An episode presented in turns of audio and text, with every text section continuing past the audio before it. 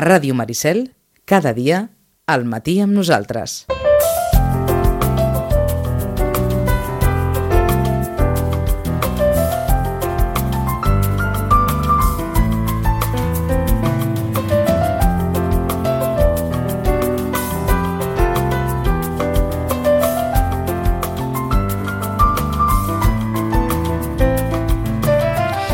Com sempre, amb la Marta Sánchez. Marta, bon dia. A veure... Marta, bon dia, ara. Hola. Ara sí, ara sí. bon dia. Uh, que doncs, ens acosta de nou uh, les activitats de, de la propera quinzena de les biblioteques. Exacte. Sí, a sí. veure, què, com ho tenim, això? Doncs començarem aquest, aquesta setmana mateix, tenim Sí. dos, dos actes, dues presentacions, bé, una xerrada i una presentació. Uh -huh. El dijous 7, a les 7 de la tarda, tenim una xerrada i el títol és El passat sota la Biblioteca Santiago Rossinyol, a càrrec de l'arqueòleg Joan García Targa. Uh -huh. I va passar que el 2014, quan van començar les obres de la biblioteca, només de començar la, el forat on hi havia d'anar l'ascensor, doncs es van trobar unes restes dels, dels íbers, de l'època dels íbers. Clar, ja s'esperava que, que d'aquí sota de la biblioteca sortirien restes, potser no s'esperava tan aviat, just començar les obres, i, i quan les vaig anar a veure la veritat és que era com, bueno, molt emocionant no? de poder tocar aquella pedra que havia estat tocada, feta i en fi, que l'havien fet servir no? aquells avantpassats tan avantpassats uh, això es va, es va documentar es van fer les fotografies necessàries en fi, i es va haver de tapar per, per posar l'ascensor i per continuar les obres, però clar, tota aquesta part de Sitges doncs se sap que cada vegada que es toca alguna cosa surten restes. Tot, tot el turó era, Exacte. està ple de, eh, de, de restes ibèriques. De fet, aquest edifici on ens trobem, doncs també, També. A, a baix està, hi, ha, hi ha uns bons forats, que de tant en tant en Joan fa visites eh, guiades, eh, adreçades a tothom qui vulgui anar. Doncs farà una, una xerrada. Farà una xerrada sobre aquestes restes, ens explicarà això, no? que es- aquestes restes que van trobar a la biblioteca durant les obres de l'edifici i sobre la història d'aquestes ocupacions ibèriques i romanes en aquesta zona. D'acord. serà interessant i també ens traslladarem a això, unes restes que tenim a sota de la biblioteca, o sigui que és un lloc amb història per dalt, per baix i per tot arreu. No, no ha quedat cap, eh, cap testimoni de- d'aquestes restes eh, A la que, biblioteca no, que sigui eh? Van visible, agafar... és a dir. Sí, no, no, no, sí que es va pensar en algun moment de fer alguna part així com de...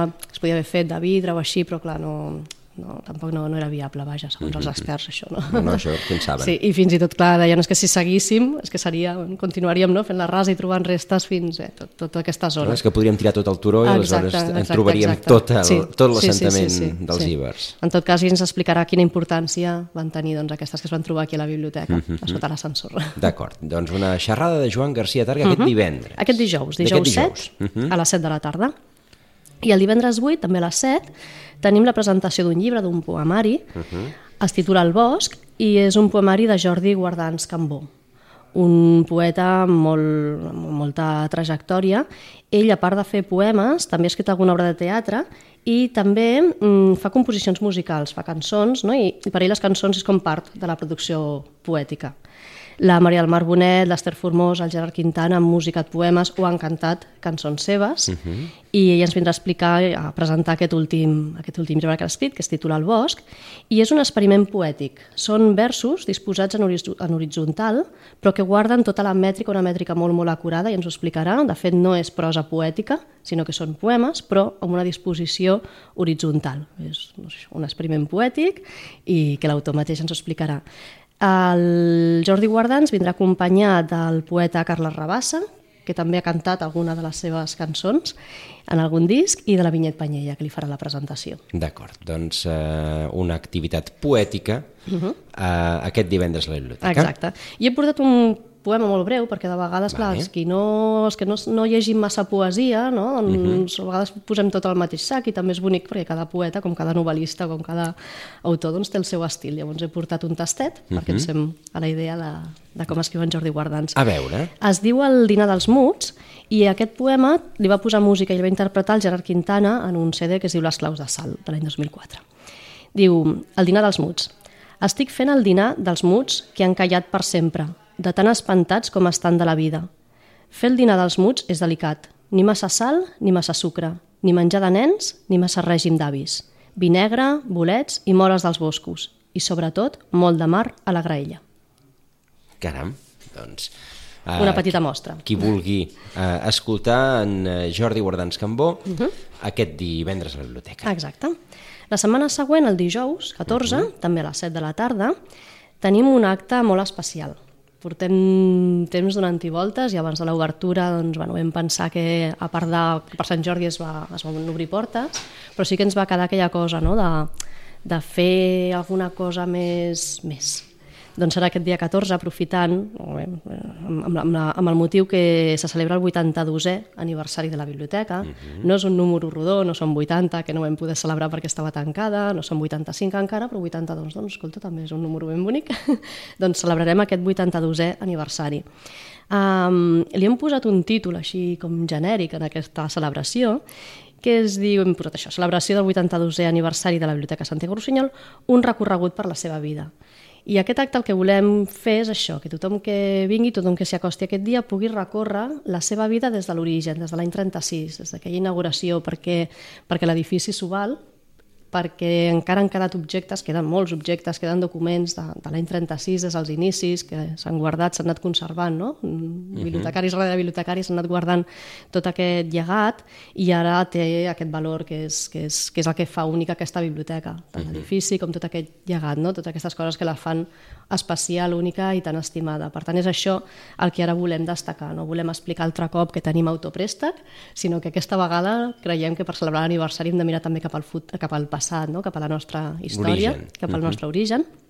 I per això farem un recorregut, tampoc vull avançar moltes coses, perquè volem que sigui una cosa emotiva, de sorpresa, un acte mm, senzill, però, però això, no? però emotiu, sobretot doncs, per a les persones que, que, la, que la biblioteca forma part de la seva vida, com qualsevol altra cosa que els hi hagi pogut passar, no? el fet de venir uh -huh. a estudiar, de venir uh, quan eren petits, doncs, tota aquesta part sentimental que va unida no? amb la vida de moltes persones, doncs és el que volíem posar també en relleu, i a part aquest any que també es commemora doncs, aquests, aquests 100 anys de, de tot el de tot el, el conjunt del Maricel, conjunt del Maricel uh -huh. doncs, amb tot això volem fer aquesta celebració i serà el dijous 14 a, la, a partir de les 7. Dijous 14 uh -huh. a les 7 de la tarda. A les 7 de la tarda, uh -huh. exacte.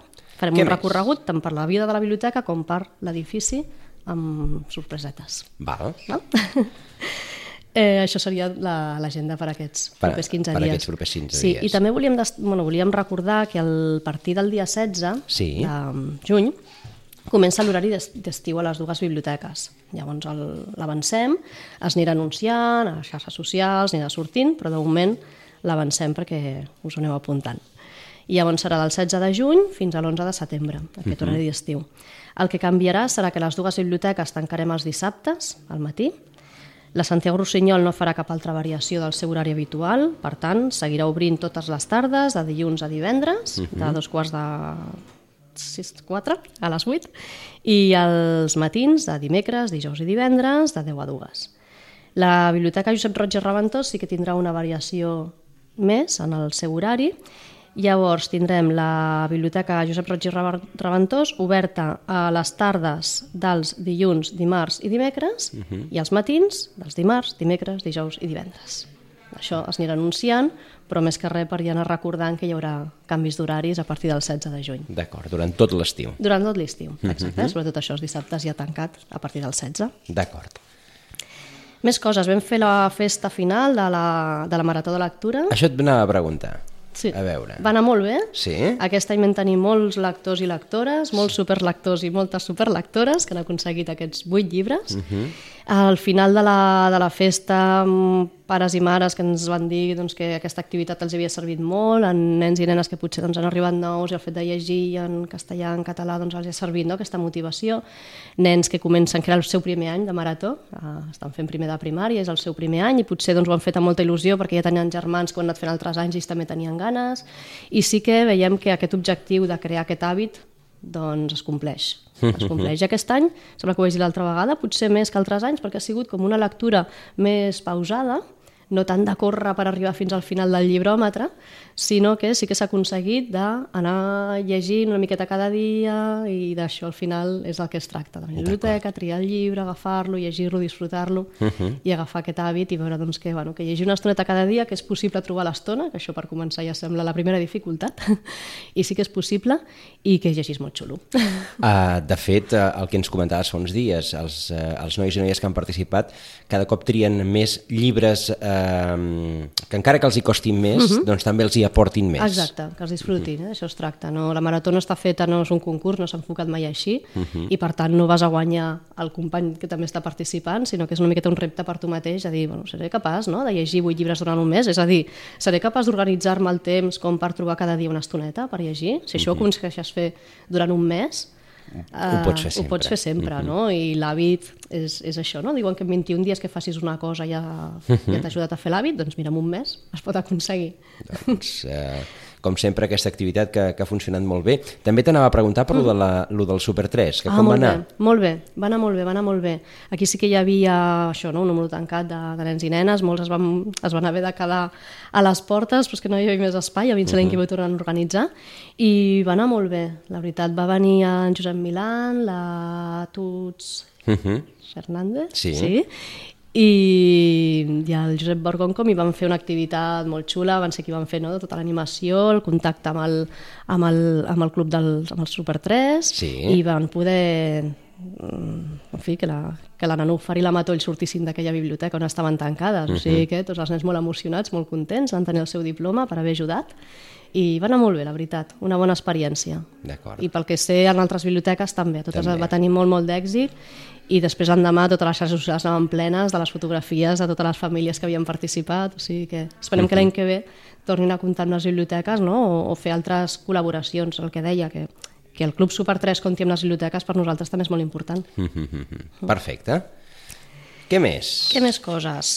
Mm, sí, el dia 11 de juny Sí. els equips de les biblioteques i altre, altres persones de l'Ajuntament farem una, una sessió de treball, una presentació d'un d'un decàleg, que per nosaltres és molt important i és un pas més en tota aquesta feina que estem fent de- d'aconseguir unes biblioteques més inclusives. Serà una, una sessió de formació que ens explicaran pautes per donar suport a una persona amb discapacitat intel·lectual i Sí. desenvolupament com a client, com els tractem perquè la biblioteca venen, o en altres espais no, de, de, dels ajuntaments, espais municipals, i de vegades tendim a no saber molt bé com, com tractar-los, no? com parlar-los, i al final potser tenim un to paternalista que ells els hi pot arribar a molestar perquè no cal realment, o si venen acompanyats no ens dirigim a ells, sinó ens dirigim a l'acompanyant, en fi, que tenim també manca- mancances, els que tractem amb el públic, de saber tractar bé a tothom. Uh -huh. Per tant, aquesta sessió pensem que ens serà molt útil per aprendre això, no? com quines pautes, 10 pautes, 10 passos per tractar-los molt millor i perquè se sentin realment inclosos, no? com qualsevol ciutadà. I tindrem també la presència de persones amb, amb discapacitats d'aquest tipus que ens explicaran ells des de primera persona com volen ser tractats, o que els agrada o que no, què ens demanen a les biblioteques, què ens demanen els bibliotecaris. Per tant, penso que serà, bueno, volia explicar, perquè sí que és una formació interna, però que és una cosa que també estem treballant, no? tot el tema de la inclusivitat, no només l'edifici, traient barreres arquitectòniques, sinó anant alguns passos més enllà també. Correcte, coses que, que es fan sense cap malícia, No, sense no, cap no, intenció, realment, que, Sí, però, sí. que, però que poden molestar amb l'altre exacte. simplement per, per allò que representen. Sí, sí, sí, uh -huh. per desconeixement, per, perquè, no, perquè no en sabem més, no? Llavors es tracta d'aprendre'n entre tots i que ells també ens ensenyin i nosaltres doncs, fer aquest intercanvi d'experiències pot ser molt positiu i molt enriquidor. Això ho farem el dilluns. Que no tenim obertes les biblioteques, doncs ens dediquem a fer aquests cursos.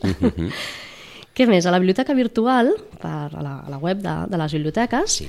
volia explicar que hi ha l'expositor de novetats. Aquí a la biblioteca i la, a la Roig Reventós també tenim els nostres expositors de novetats físics i tenim guies, però per si algú no vol venir a la biblioteca o ja vol venir sabent què busca i què ha arribat de nou, doncs a la biblioteca virtual hi ha aquests expositors. Hi ha les novetats de cada biblioteca amb la foto de la portada, l'enllaç al catàleg, i l'usuari pot entrar i demanar les novetats que ha arribat de nou en la darrera setmana, en les dues darreres setmanes, en el darrer mes, a la biblioteca que vol, seleccionar la categoria per algun tema, pot ser només vull saber novel·la o només vull saber que ha vingut de ciències o vull saber només que ha arribat d'infantil. Doncs tot això es pot fer per la web i a més a més ens podem subscriure a les novetats i rebre tot això per correu electrònic cada mes. Uh -huh. O sigui, una manera d'estar també actualitzat en el que es, va rebent a les biblioteques. Exacte, i des de casa. I d'aquestes novetats en destaco tres, A veure. novel·la, i tots tres comencen amb les mateixes paraules. A veure. Un és La dona que no sabia plorar, del Gaspar Hernández, una sexòloga amb una autoestima aparentment molt alta, però que no sap plorar, i això és un problema molt gros. Algú li haurà de desencallar, això. La dona pel roja, de Laurent Pamuk, Això ens situa a Istanbul. Un mestre constructor de pous i un aprenent fan un vincle paternofilial molt especial i molt bonic. Uh -huh. I La dona, a la finestra, de J. Finn, és un dels bestsellers, una de les novel·les que està sortint més en préstec i s'està venent més a les llibreries. Una dona sola a casa veu coses que no hauria d'haver vist i ningú no se la creu. Uh -huh. Sí, tres dones. Tres dones. La dona que alguna La dona cosa. què? Exacte. I per acabar, eh, recordar que l'entrevista virtual d'aquest mes, també a la, a la web, a la biblioteca virtual, és amb el Martí Gironell, que li podem fer preguntes fins al dia 30 de juny, uh -huh. i totes les curiositats que tinguem cap a aquest autor, doncs fem la nostra pregunta i després les contesta. Recordem que el, Mar el Martí Gironell ha escrit molta novel·la històrica, va començar amb el Pont dels Jueus, s'han fet rutes literàries i aquesta ha sigut una de la novel·la històrica catalana per excel·lència, o sigui, a partir d'aquí, doncs, com que ha creat escola, eh, n'ha fet altres i l'última, l'última novel·la seva, que també la tenim a la biblioteca, La força d'un destí, va guanyar el Premi Ramon Llull de- d'aquest últim any, del 2018. Uh -huh. Aquesta novel·la ens- és la biografia d'un català que va anar cap als Estats Units fugint d'haver d'anar a, l'exèrcit i allà es va crear tot un món a Hollywood, no? es va crear tot un personatge ell mateix amb un nom mm, que es va inventar, Jean León, i que després va tornar cap aquí i a les vinyes del Penedès doncs, va fer, va fer la, Vi. la llavor, aquest vi, el, el Jean León. Doncs aquesta història d'aquest personatge que dius com és que ningú l'ha descobert abans, com, que, com és que ningú l'ha escrit abans la seva vida, perquè és, molt, és com una aventura Novel·lesc. molt novel·lesc, doncs ens l'ofereix el, el Martí Gironell en aquesta última novel·la, que també la recomanem. Mhm. Per tant, doncs, qui vulgui saber secrets des dels ponts dels jueus fins a un viticultor del Penedès, eh, té fins al 30 de juny per fer-li preguntes amb en Martí Gironell. Exacte. Uh -huh. Mhm. Doncs aquestes són les, eh, les novetats d'aquesta quinzena eh, a les biblioteques, ho, hem pogut repassar com sempre, amb la Marta Sánchez. Marta moltíssimes gràcies. Gràcies a vosaltres. I fins d'aquí 15 dies. Sí.